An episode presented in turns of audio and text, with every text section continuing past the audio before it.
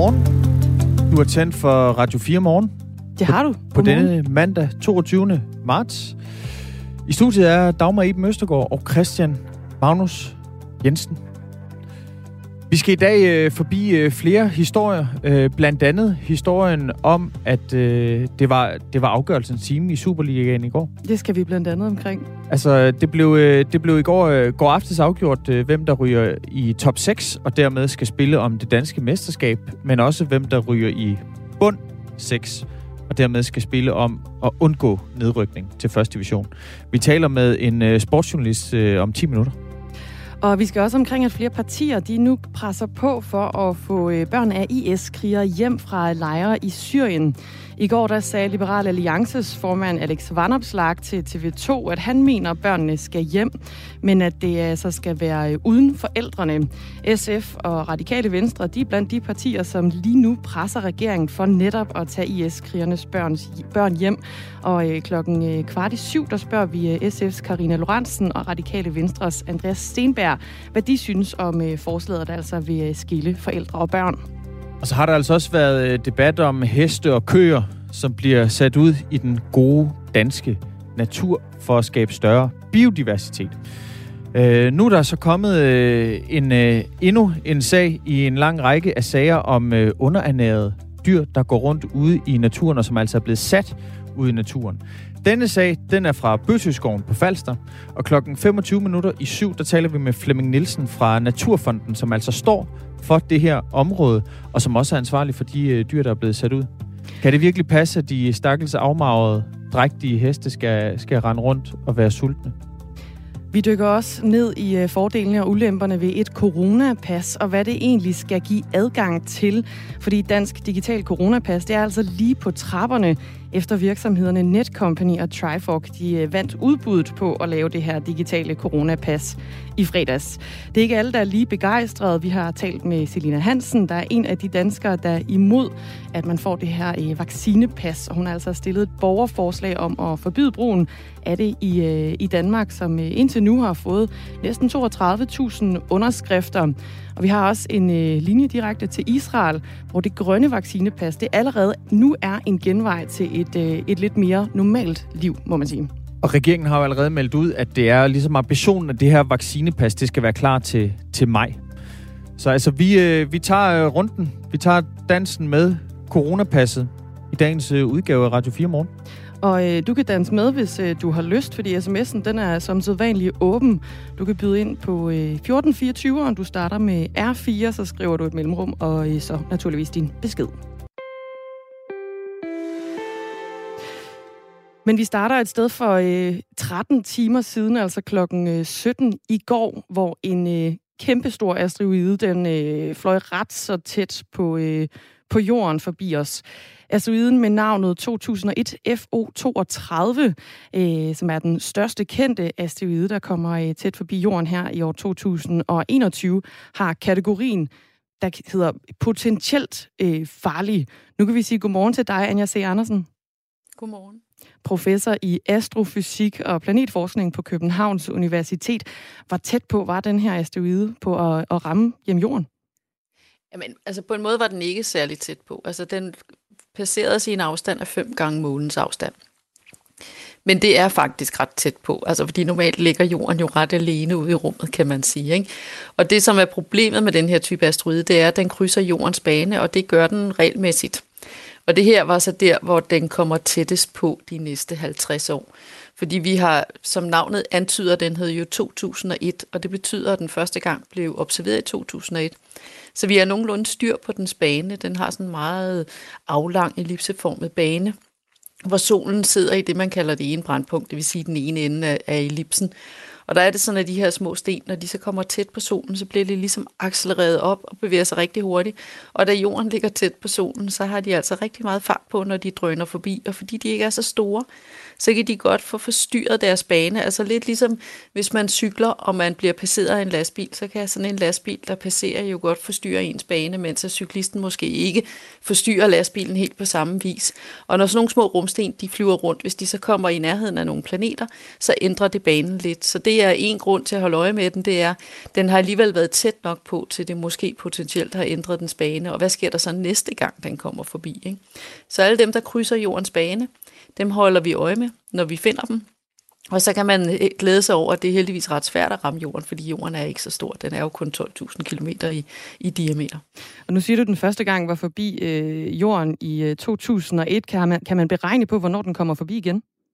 Ja, altså så når de har sådan en ellipseformet bane, så den har sådan en bane, hvor den i sin bane, så kommer den ind og er tættere på solen end Merkur, og så kommer den længere væk end planeten Mars. Ikke? Så, så den, den bevæger sig så, hvad skal man sige, sådan lidt, lidt, lidt aflangt øh, gennem solsystemet.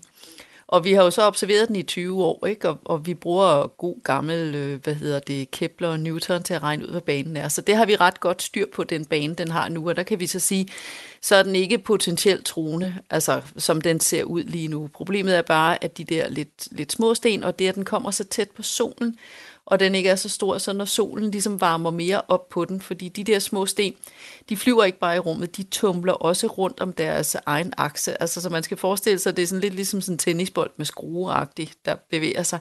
Og det, at den drejer rundt om sin egen akse, samtidig med, at den bevæger sig, det gør, at dens bevægelse bliver lidt mere uforudsigelig, øh, alt efter, altså også hvor, hvor, hvor rund eller hvor uregelmæssig kartoffelformet den er, så kan det faktisk også ændre dens bane. Så der er ikke andet at gøre end at holde øje med dem. Og så håbe på, at hvis den ændrer sin bane, så opdager vi det i så god tid, så vi faktisk øh, kan nå at gøre noget, skulle, vi se, skulle det se ud som om, at den på et tidspunkt om 100 år vælger at komme lidt tættere på, end, øh, end vi forventer, at den gør lige nu. Og nu ramte den jo heldigvis ikke i, øh, i går, men hvad ville der potentielt være sket, hvis den havde ramt jorden, og hvis den i fremtiden kommer til at ramle sammen med os? Ja, altså denne her er heldigvis ikke så stor. Den er kun en øh, cirka en halv kilometer eller sådan noget deromkring i størrelse. Men det, som udryddede dinosaurerne for 67 millioner år siden, det var sådan en sten på cirka en kilometer størrelse. Altså en, der var dobbelt så stor. Øh, og, og den udryddede jo altså alle tænkelige dinosaurer, hvilket så var en fordel for os, for så blev der plads til os, kan man sige. Ikke? Så, så det, kan, det kan være potentielt farligt at blive ramt af sådan en stor rumsten. Og hvor farlig den er, afhænger af flere ting. For det afhænger selvfølgelig dels af størrelsen. Det betyder jo noget, at nu større den er, nu, nu hårdere slår den. Men det handler faktisk også lidt om, hvor, hvor hurtigt den flyver. Altså, fordi det kender man jo også, at øh, man kan godt blive ramt af en, af en fodbold, som er større end en tennisbold, men hvis tennisbolden bliver tyret, og fodbolden ligesom bare kommer blødt, så, så kan det være værre at blive ramt af noget mindre. Så der er altså både noget med størrelse og hastighed. Og så er der selvfølgelig også noget med, hvad den består af. For de der rumsten, vi har derude, de, kan, de er rester, øh, mange af dem, af tidligere ikke længere eksisterende småplaneter. Så det kan enten være en del af en planetkerne, som er det rene jern, eller det kan være sådan et lidt overflade, som egentlig bare er, er hvad skal man sige, grus og sand. Ikke? Og der er det klart, at hvis det er sådan en jernklump, ikke, så slår den jo også hårdere, end hvis det er mere sådan almindelig sand og grus, ikke? som jo ellers kan slå hårdt nok og og, og det bedste er i virkeligheden, hvis det egentlig bare er sådan en, et flyvende isbjerg, kan man sige, fordi at øh, så slår den mindst hårdt. Ikke? Så, så der er de tre ting. Hvad består den af? Hvor hurtigt bevæger den sig? Og, og så, hvad vejer den? Og det er jo ikke alle øh, asteroider, som den, der fløj forbi i går, som vi rent faktisk øh, observerer, før de flyver forbi, eller, øh, eller egentlig rammer. Og det er der sådan set flere eksempler på. Senest i 2013, der skete der øh, noget lidt lignende i et område i øh, Rusland, der var i en noget mindre skala, hvor en øh, meteor, altså et fragment af en asteroide, ramte et befolket område i Rusland. Her blev ja, der 3... 3.000 mennesker, der kom til skade. Altså, det, det, Altså, og ja, det, det overraskede nemlig mig, at der var så mange, der kom til skade, fordi jeg tænkte, ja, herregud, det var bare en lille sten. Men problemet var, at den lavede sådan en stor trykbølge, og folk de så et kæmpe stort lysglimt på himlen, og så løb de alle sammen over til deres vinduer. Og så det der trykbølge, der kom, da den ramte jorden, den øh, smadrede alle vinduerne, og så blev folk øh, skadet af glasgård. Ja, fordi der var 3.000 huse, der blev beskadiget, og øh, over 1.100 mennesker, der altså blev såret. Øh, og nogen havde endda også brug for at få, få amputeret både fingre øh, eller, eller, eller tær. Og vi kan lige høre, hvordan øh, det lød, da den her asteroide, den, eller fragmentet af en asteroide, altså brød atmosfæren.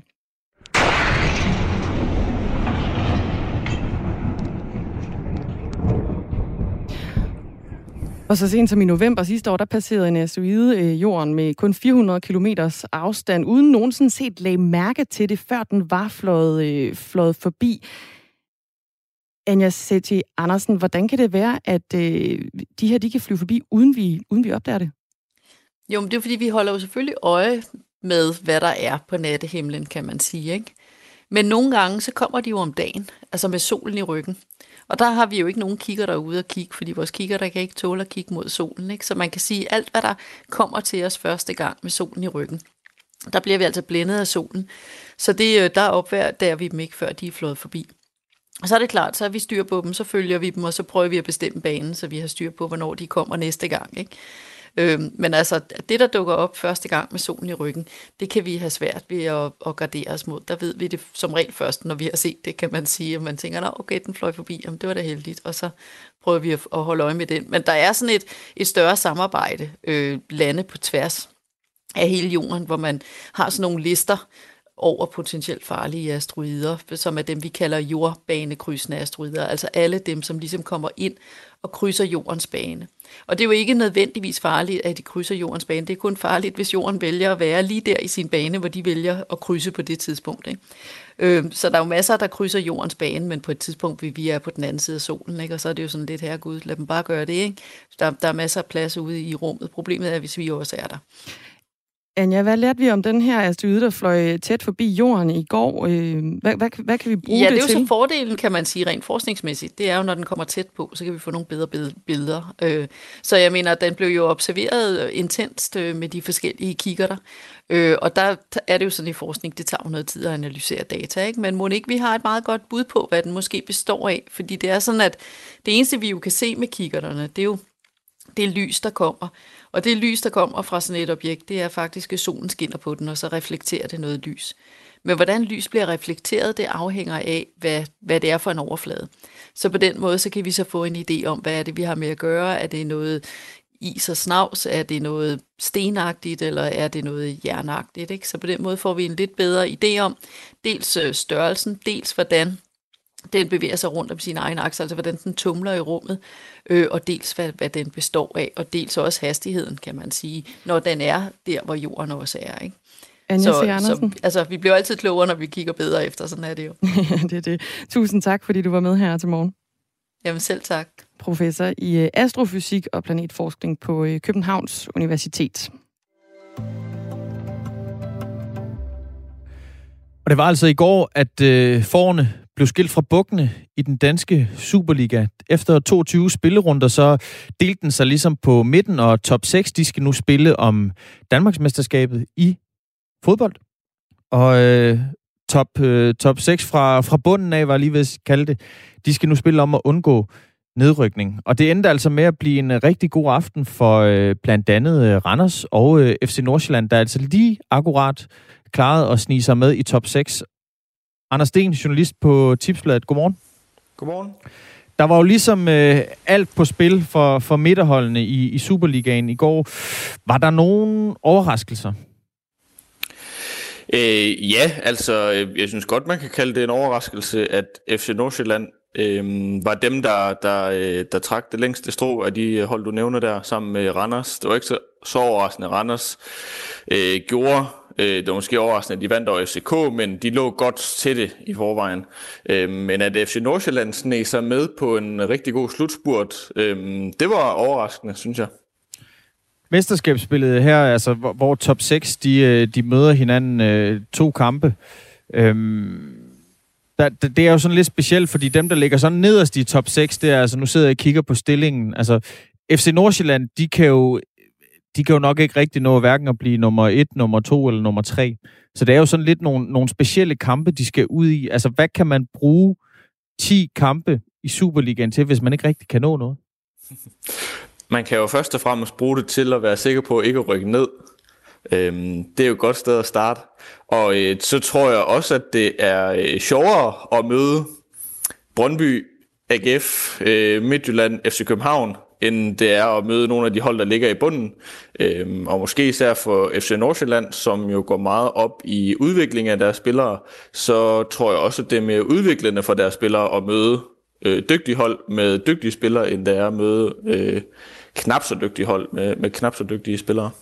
Så blandt andet nu vi taler om FC Nordsjælland, de slog jo altså Sønderjysk i går. Øh, var det 2-1? Ja, lige præcis. Ja. Og det, altså, det var en øh, 16-årig øh, dreng, der scorede øh, FC Nordsjællands to mål. Ja, Jeg har aldrig ja, hørt dreng, om ham det, før. Nej, nej jamen, øh, han er jo heller ikke så gammel, at han kan nå at have sat ret meget aftryk. Øh, Andreas Skjellerup. Øh, men, men, men han, øh, det, jeg mener, det var hans tredje og fjerde Superliga-mål, så vidt jeg lige husker. Øhm, og det er jo sådan set ret godt, når man er øh, 16 år gammel. Øhm, han har scoret halvdelen af alle mål, der nogensinde er scoret af 16-årige i Superligaen. Øhm, så det er jo egentlig i sig selv imponerende. Top 6, det bliver altså øh, Brøndby, FC Midtjylland, AGF, øh, FCK, Randers og FC Nordsjælland.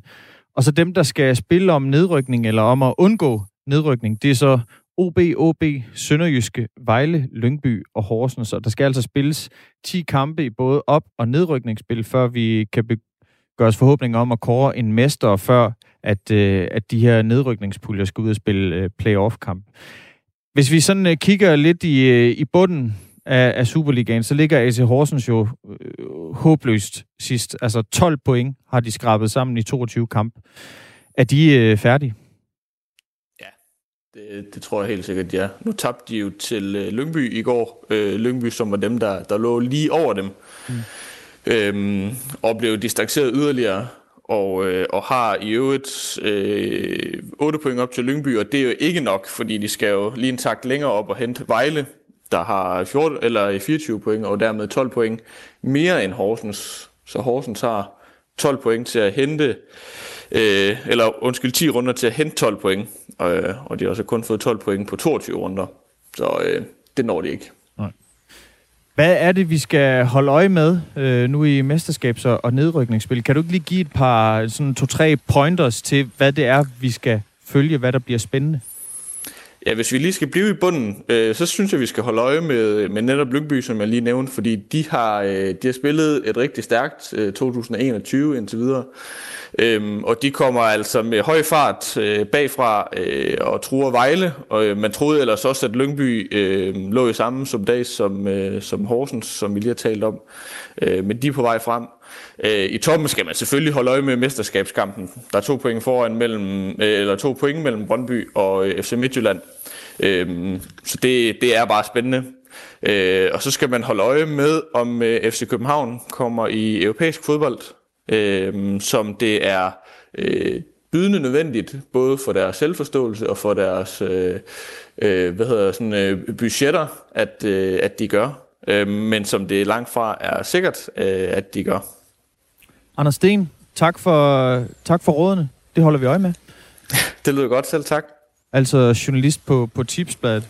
Så vi skal altså holde øje med, med Lyngby, vi skal holde øje med mesterskabskampen mellem øh, Brøndby og øh, FC Midtjylland, og så om øh, FCK de kvalificerer sig til et europæisk gruppespil.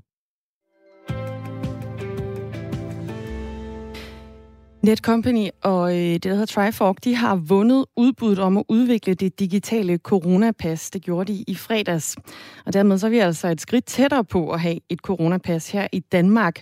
Og regeringen forventer, at det skal øh, udrulles i øh, maj måned. Og det her coronapas, det betyder også, at livet, som det så ud før med øh, koncerter og fester og måske nogle udlandsrejser, så småt kommer tættere på. Den virkelighed, den er allerede indtruffet sådan set i Israel, i hvert fald for dem, der har fået deres vaccinepas. Og en af dem, dem skal vi tale med øh, senere her på, øh, på morgenen. Men hvornår kan vi i Danmark tage det her nye digitale coronapas i brug? Hvad skal det give adgang til? Og hvad egentlig med dem, der så ikke er vaccineret? Betyder det så, at de ikke får fuld adgang til, øh, til samfundet? Det er nogle af de spørgsmål, vi øh, vil forsøge at få svar på her til morgen, hvor vi kigger på øh, nærmere på coronapasset. Men vi starter lige med at øh, få beskrevet, hvad det overhovedet er for en størrelse, vi taler om. Et digitalt coronapas er jo en app, der kan vise, om man opfylder de betingelser, som sundhedsmyndighederne stiller. Altså, har man modtaget sin vaccine, er man blevet færdigvaccineret, har man fået en negativ coronatest inden for et givet antal dage, eller har man antistoffer, fordi man allerede har været smittet og er kommet igennem sygdommen. Ja, sådan siger Janne Rotmar Hermann, der er juraprofessor ved Københavns Universitet og medlem af Dataetisk Råd, der er altså kommet med et par pejlemærker til udviklingen af et digitalt coronapas. Og hvem er det så, der ligesom skal stå for at udvikle det her coronapas i Danmark? Det er altså Netcompany og Trifork, som har vundet udbuddet om at udvikle det her digitale coronapas. Og fra Dataetisk Råd, der lyder anbefalingen til appen sådan her. At sådan en app egentlig bare verificerer, at den opfylder betingelserne, og så måske lyser grønt, eller øh, på anden måde bare viser, at man ser, at man opfylder betingelserne, men uden at man egentlig behøver at at dele de bagvedliggende oplysninger. Men hvordan det konkret kommer til at se ud, det ved vi jo ikke på nuværende tidspunkt. Selina Hansen, hun er en af de danskere, som er imod de her øh, vaccinepas eller, eller coronapas, og hun har altså stillet et borgerforslag om at forbyde brugen af det i Danmark. Et forslag, der indtil nu har fået lige knap 32.000 underskrifter. Og Selina Hansen, hun er altså blandt andet bekymret over at skulle dele sine personlige data og sundhedsoplysninger med det her coronapas der er jo også det her med den her øh, GDPR-lov her, altså personlige oplysninger, som er til for at beskytte vores personlige oplysninger. Altså, og det synes jeg jo ikke, at det bliver så meget, hvis man skal rundt og vise alle steder, man skal hen ens øh, personlige sundhedsoplysninger.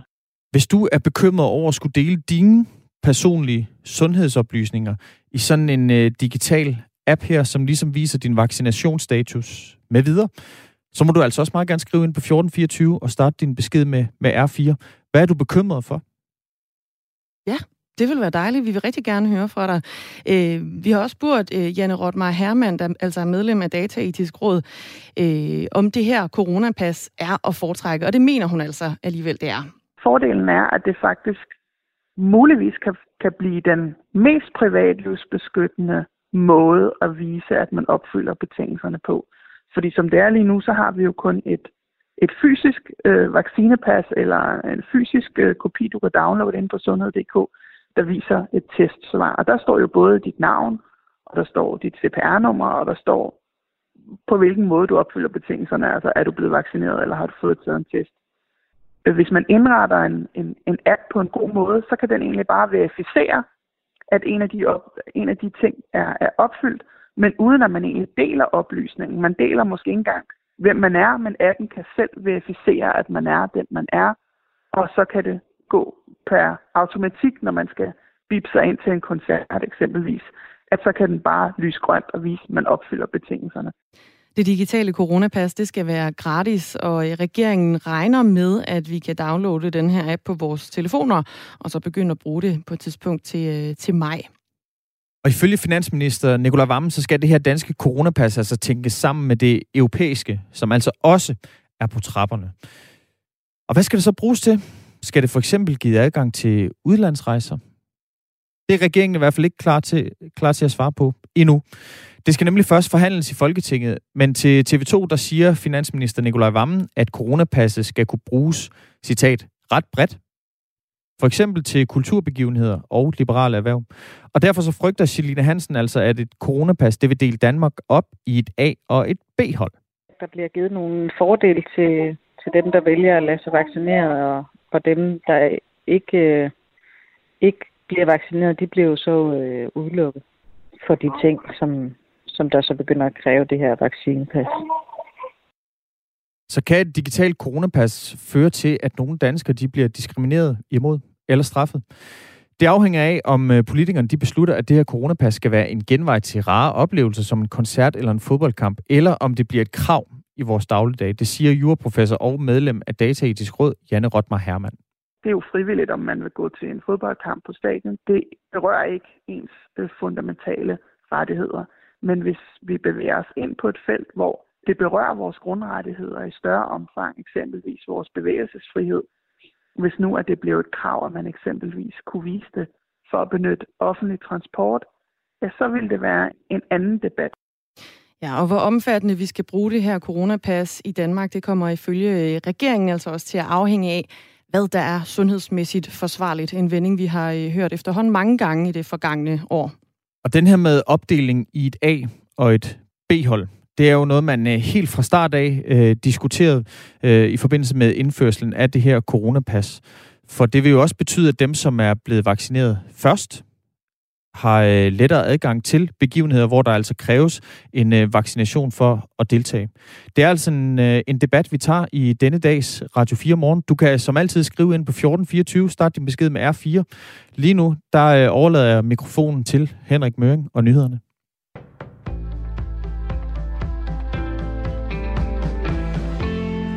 Dansk Folkeparti vil give domstolene mulighed for at dømme serielle voldtægtsforbrydere til medicinsk kastration.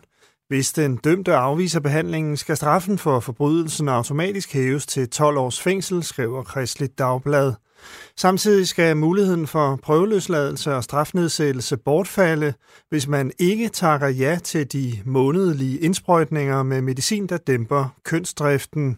Forslaget kommer efter, at avisen forleden kunne fortælle, at hver 8. kvinde er bekymret for at gå i sit nærområde efter mørkets frembrud.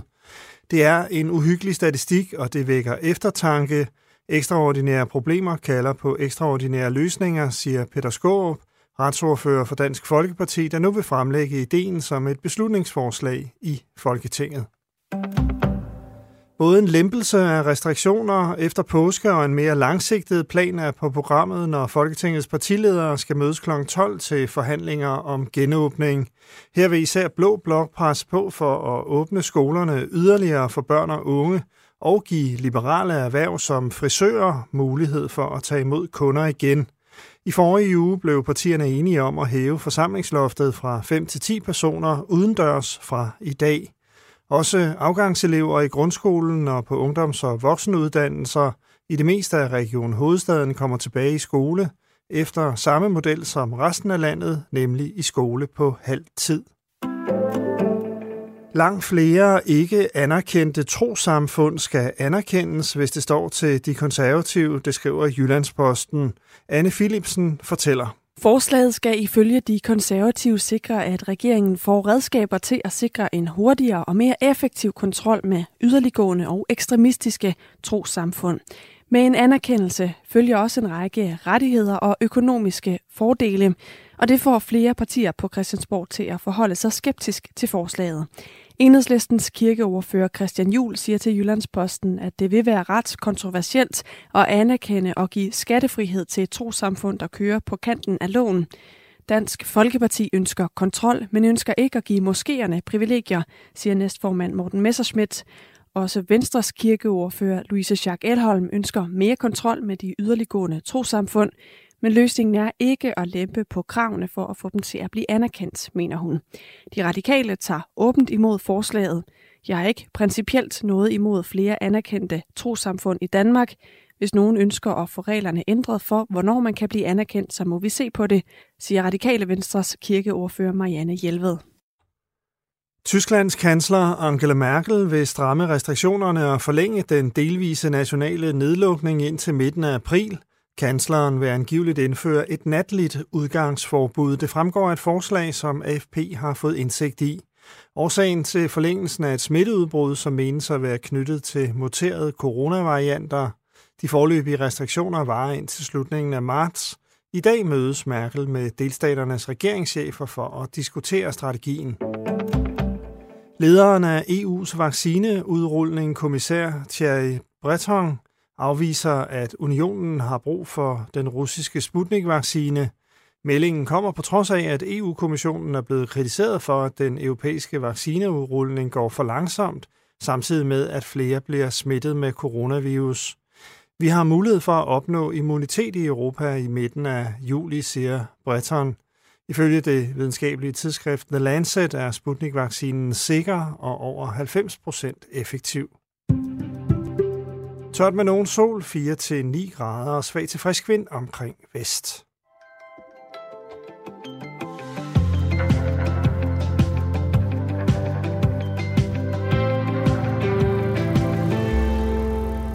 Godmorgen og øh, velkommen indenfor her i øh, Radio 4 morgen. Klokken den er blevet øh, 26 minutter i syv, og øh, i studiet i dag sidder Christian Magnus Damsgaard og Dagmar i Møstergaard.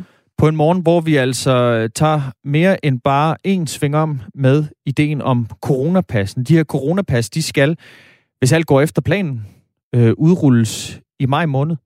Øh, og det er noget, øh, en ganske betydelig del af vores øh, lytter har reageret på.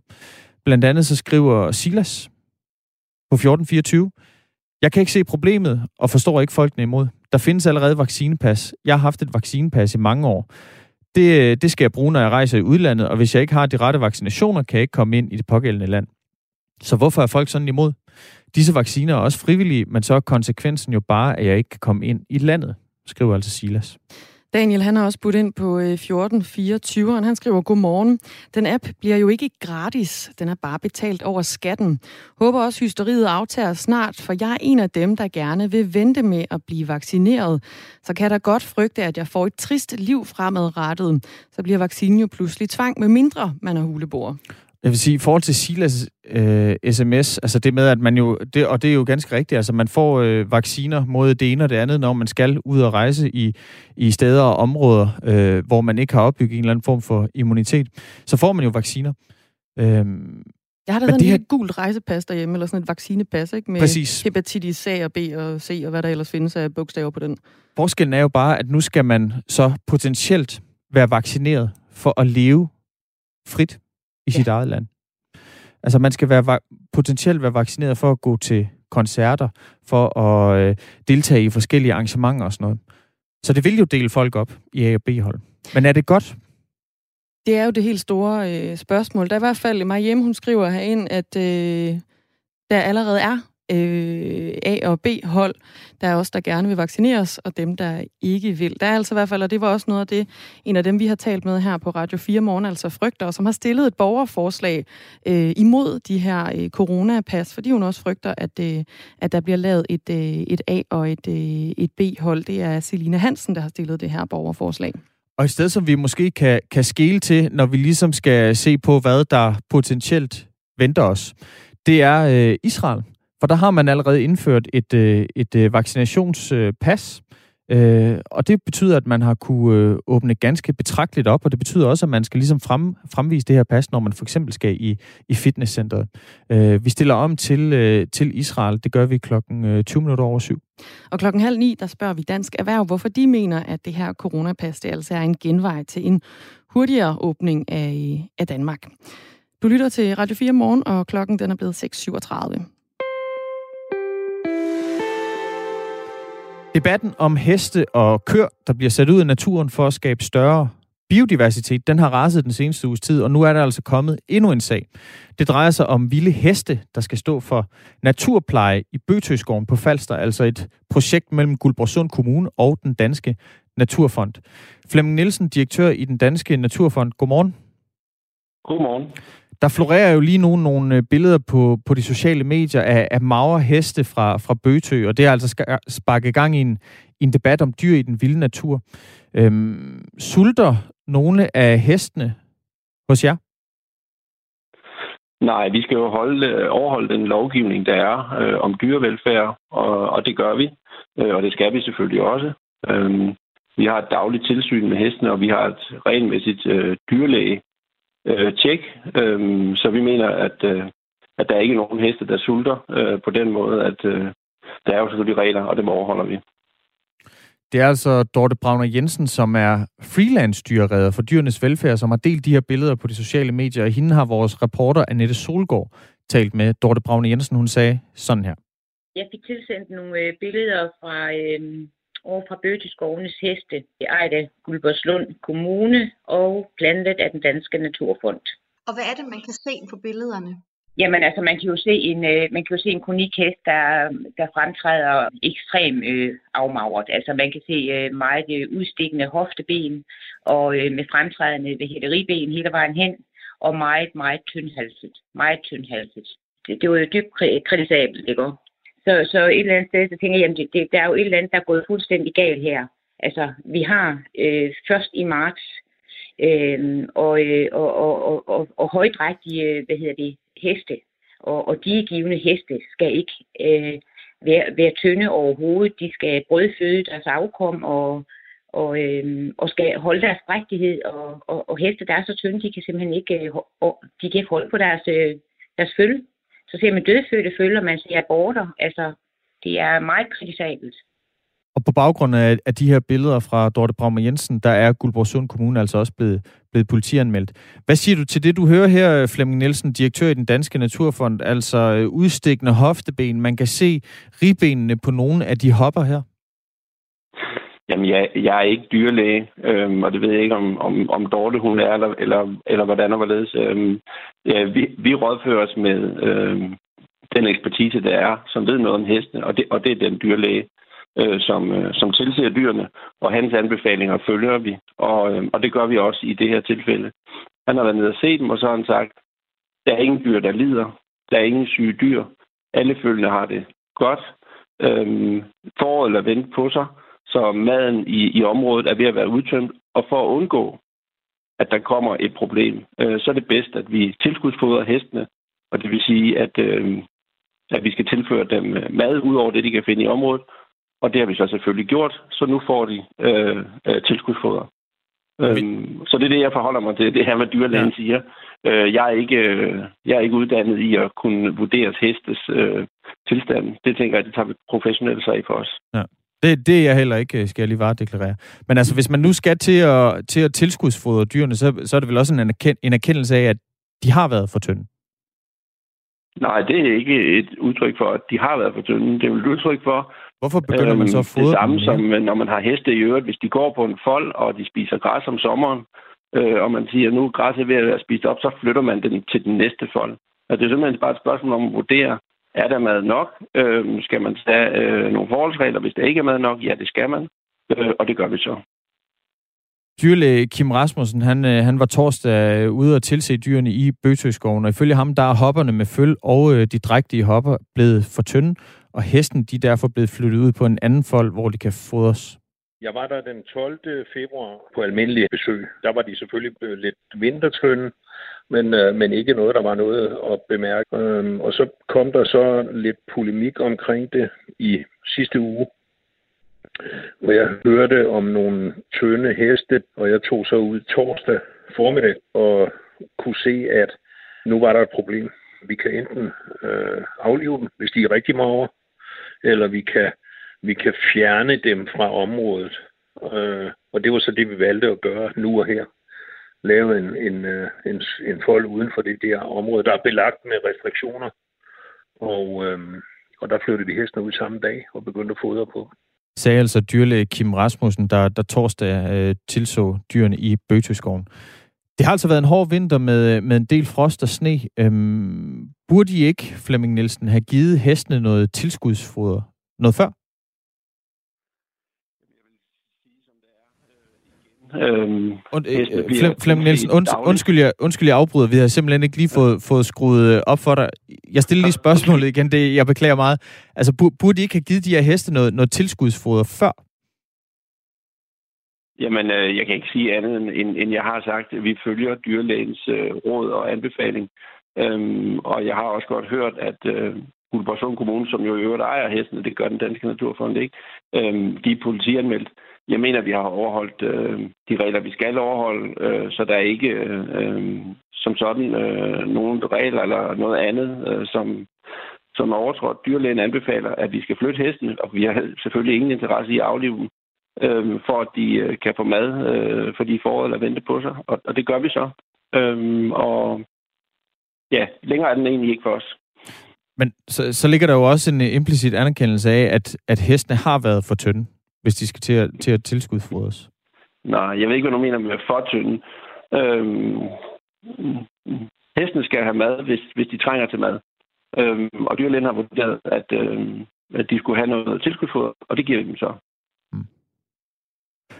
Vinteren, den, øh, den kunne jo godt have været endnu længere. Øhm, hvorfor, hvorfor lagde I ikke en plan for, hvordan man håndterer den her slags situationer? Jamen, det gør vi jo sådan set også. Øhm, Øh, vi er jo ikke her over vind og vejr. Hestene har været dernede i, øh, i flere år. Mm. Øhm, og nogle gange så er vinteren mild, og i år, som, som det har været, der har været en lang periode med frost og også sne. Øhm, så bliver man jo nødt til at tage øh, hensyn til lige præcis, hvordan vejret er øh, på det pågældende tidspunkt, det pågældende sted og det pågældende år. Og det er jo sådan set det, vi, øh, vi prøver på. Vi har jo ingen interesse i på nogen måde, at de heste skal lide eller have det dårligt. Øh, tværtimod, det er jo et fantastisk naturområde, hvor, øh, hvor der kommer 60.000 besøgende hver eneste år og elsker øh, de heste, fordi de synes, de, de går i en harmonisk flok og har det godt sammen. Og det er sådan set også det, vi oplever, at, øh, at dyrlægen siger, ingen syge dyr, ingen heste, der lider. Øh, følgende har det godt. Øh, flokken er harmonisk. Men selvfølgelig, hvis det ikke er mad nok, så skal de tilskudsfodres, og det er det, vi gør. Tak fordi du var med, Flemming Nielsen. Ja, jeg vil begynde. Altså direktør i den Danske Naturfond.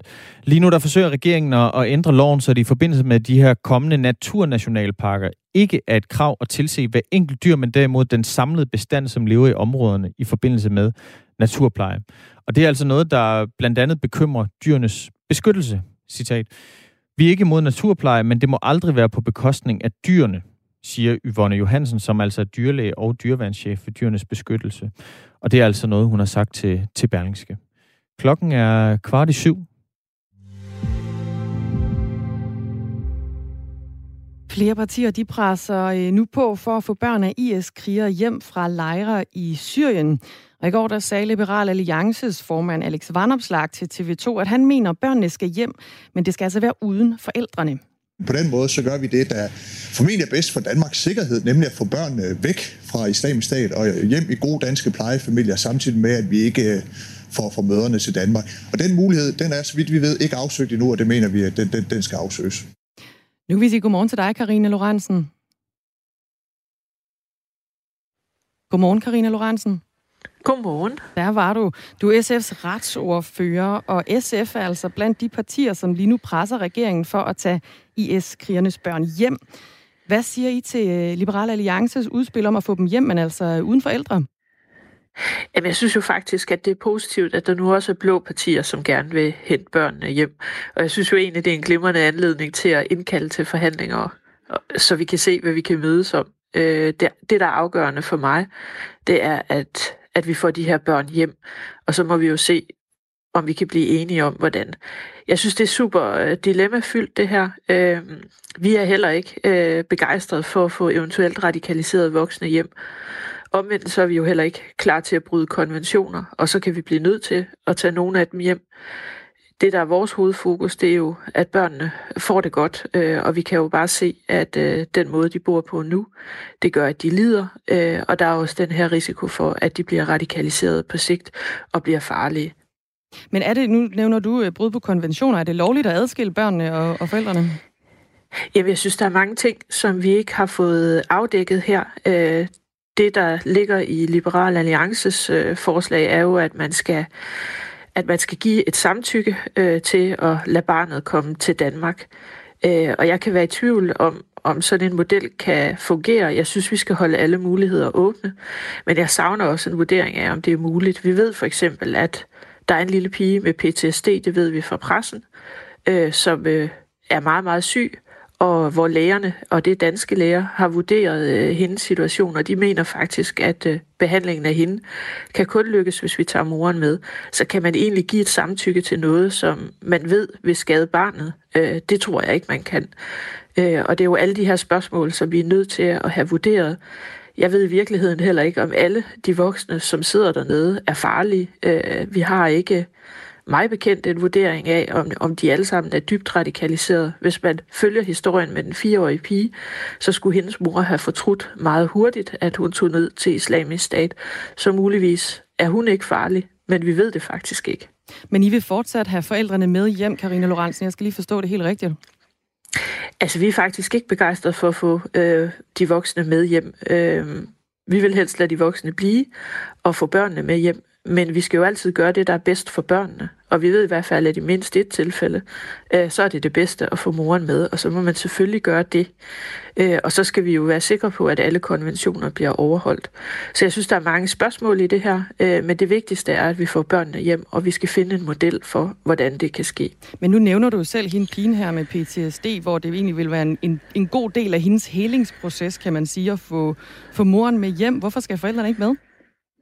Jamen, der er vi simpelthen nødt til at tage moren med, øh, er vores holdning. Vi skal jo altid gøre det, der er bedst for barnet. Og i det her tilfælde, der ved vi, at barnets øh, helingsproces øh, vil blive meget forringet af, øh, at moren ikke kommer med.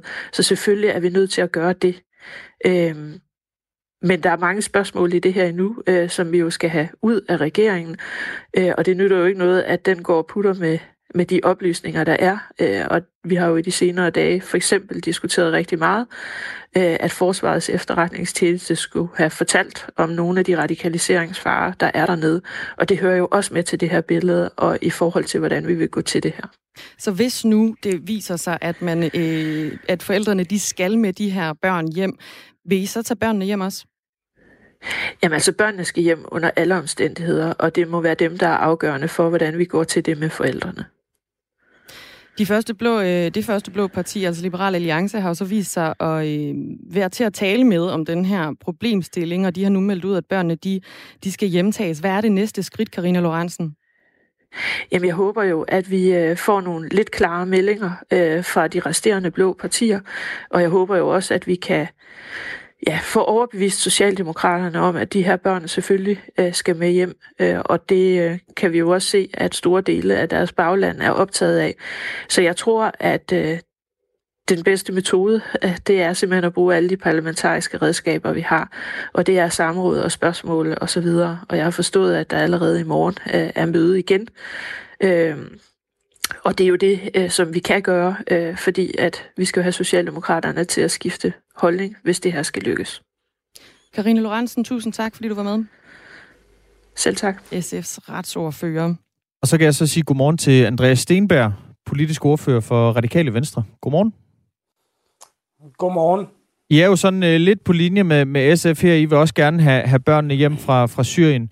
Øh, og I presser også øh, på for, at regeringen ligesom kan øh, få fingeren ud og få de her børn hjem. Hvad siger I til Liberal Alliances udspil om at få dem hjem, altså blot uden forældrene? Først og fremmest så glæder jeg mig meget over, at Liberal Alliance øh, flytter på sig. Det synes jeg er, er rigtig godt, og tak for det. Øh, vi, vi synes, øh, at man skal have både børn og forældre hjem, og det gør vi af to grunde. For det første er det jo ifølge al lovgivning, at man, man ikke skiller forældre og børn ad. Og for det andet, så er også forældrene jo danske statsborgere, og dermed set med vores øjne eh, Danmarks ansvar. Vi, vi forventer jo også, at andre lande tager deres eh, statsborgere hjem, hvis de har begået kriminalitet i Danmark og derfor synes vi også, at de her mennesker må være øh, vores ansvar. Og det hele er jo dog med det forbehold, som også øh, min kollega fra SF er inde på, at vi jo ikke kender øh, vurderingerne af hver enkelt personer. Der kan selvfølgelig være en eller flere forældre, som der ligger en, en vurdering af, at de vil gøre noget meget alvorligt, og så skal man jo prøve at undgå at tage dem hjem. Du siger, det er i strid med loven at skille børn og, og forældre ad, men det er dog trods alt noget, der sker i forbindelse med for eksempel tvangsfjernelser. Ja, det er rigtigt, og, og derfor kan der også være, være sager, hvor, hvor man vil sige, at forældrene er så dårlige forældre, at man vil, ved tvangsfjerne, og så er det jo selvfølgelig en anden sag. Men den ene konkrete sag, vi har øh, set i, i medierne, der er det jo en mor, der har fortrudt at øh, tage til islamisk stat og har forsøgt at flygte øh, flere gange, og hvor man også vurderer, at det er bedst for barnet, at moren kommer med. Og så er der selvfølgelig de andre øh, familier, eller, eller mødre er det, og der må man jo selvfølgelig lave en konkret vurdering, og hvis det, det er bedst for barnet, at, at forældrene ikke kommer med, så skal man selvfølgelig tvangsfjerne barnet. Men øh, udgangspunktet er, at det her det er vores statsborger, vores ansvar, og man skiller ikke børn og forældre ad. Men kunne man ikke allerede sige, at man er en ret dårlig forældre, hvis man vælger at tage sine børn med til det islamiske kalifat, der sker hovederne af folk? Det, øh, det er selvfølgelig helt øh, oplagt. Det kommer jo an på, om man som i den her konkrete sag rent faktisk har fortrudt og har forsøgt igennem flere år at flygte derfra. Og det kommer også helt an på, øh, under hvilke forhold man er kommet derned. Nogle er jo blevet, blevet lukket og tvunget, så, øh, så det må man jo se på i, i hver enkelt sag. Jeg læser lige lidt, øh, lidt fakta op om, om sagen her, øh, Andreas Stenberg. Altså, der sidder altså 19 børn med tilknytning til Danmark øh, i et øh, i alderen fra, fra 1 til, til 14 år i de, i de kurdisk kontrollerede fangelejre i, i Syrien.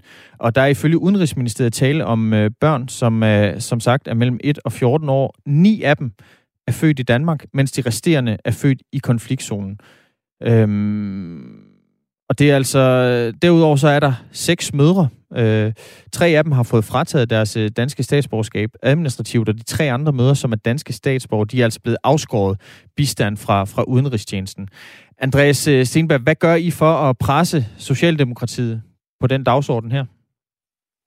Vi har, bare, undskyld, vi har presset dem gennem øh, længere tid, og øh, vi vil fortsætte med at indkalde øh, til samråd og spørgsmål og, øh, at lægge pres på. Altså, vi har jo nu øh, fået at vide, at øh, der er i hvert fald øh, et barn, den her fireårige pige, som, øh, som har det rigtig dårligt, og hvor danske læger har vurderet, at øh, hun skal ud derfra.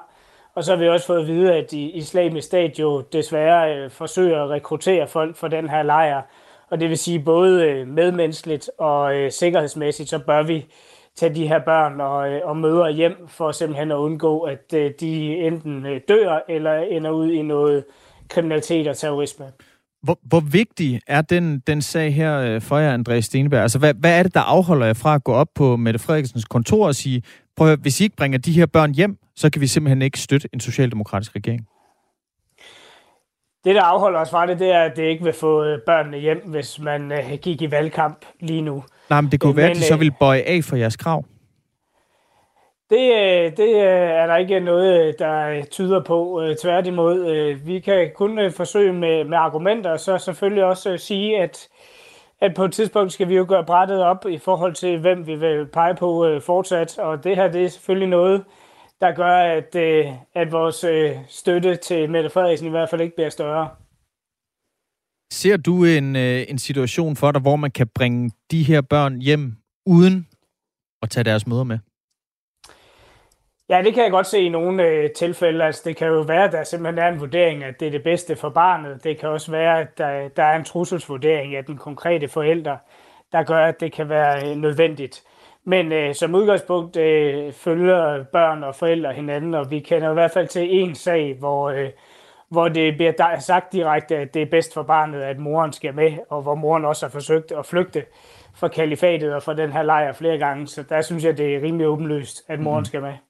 Der er jo blandt andet, altså I har jo også fået en masse gode argumenter øh, leveret, øh, Andreas Stenberg, altså blandt andet anbefalinger fra, fra både PT og FE om, at det er, en, altså, det er decideret øh, mere farligt for Danmark at lade de her børn sidde dernede.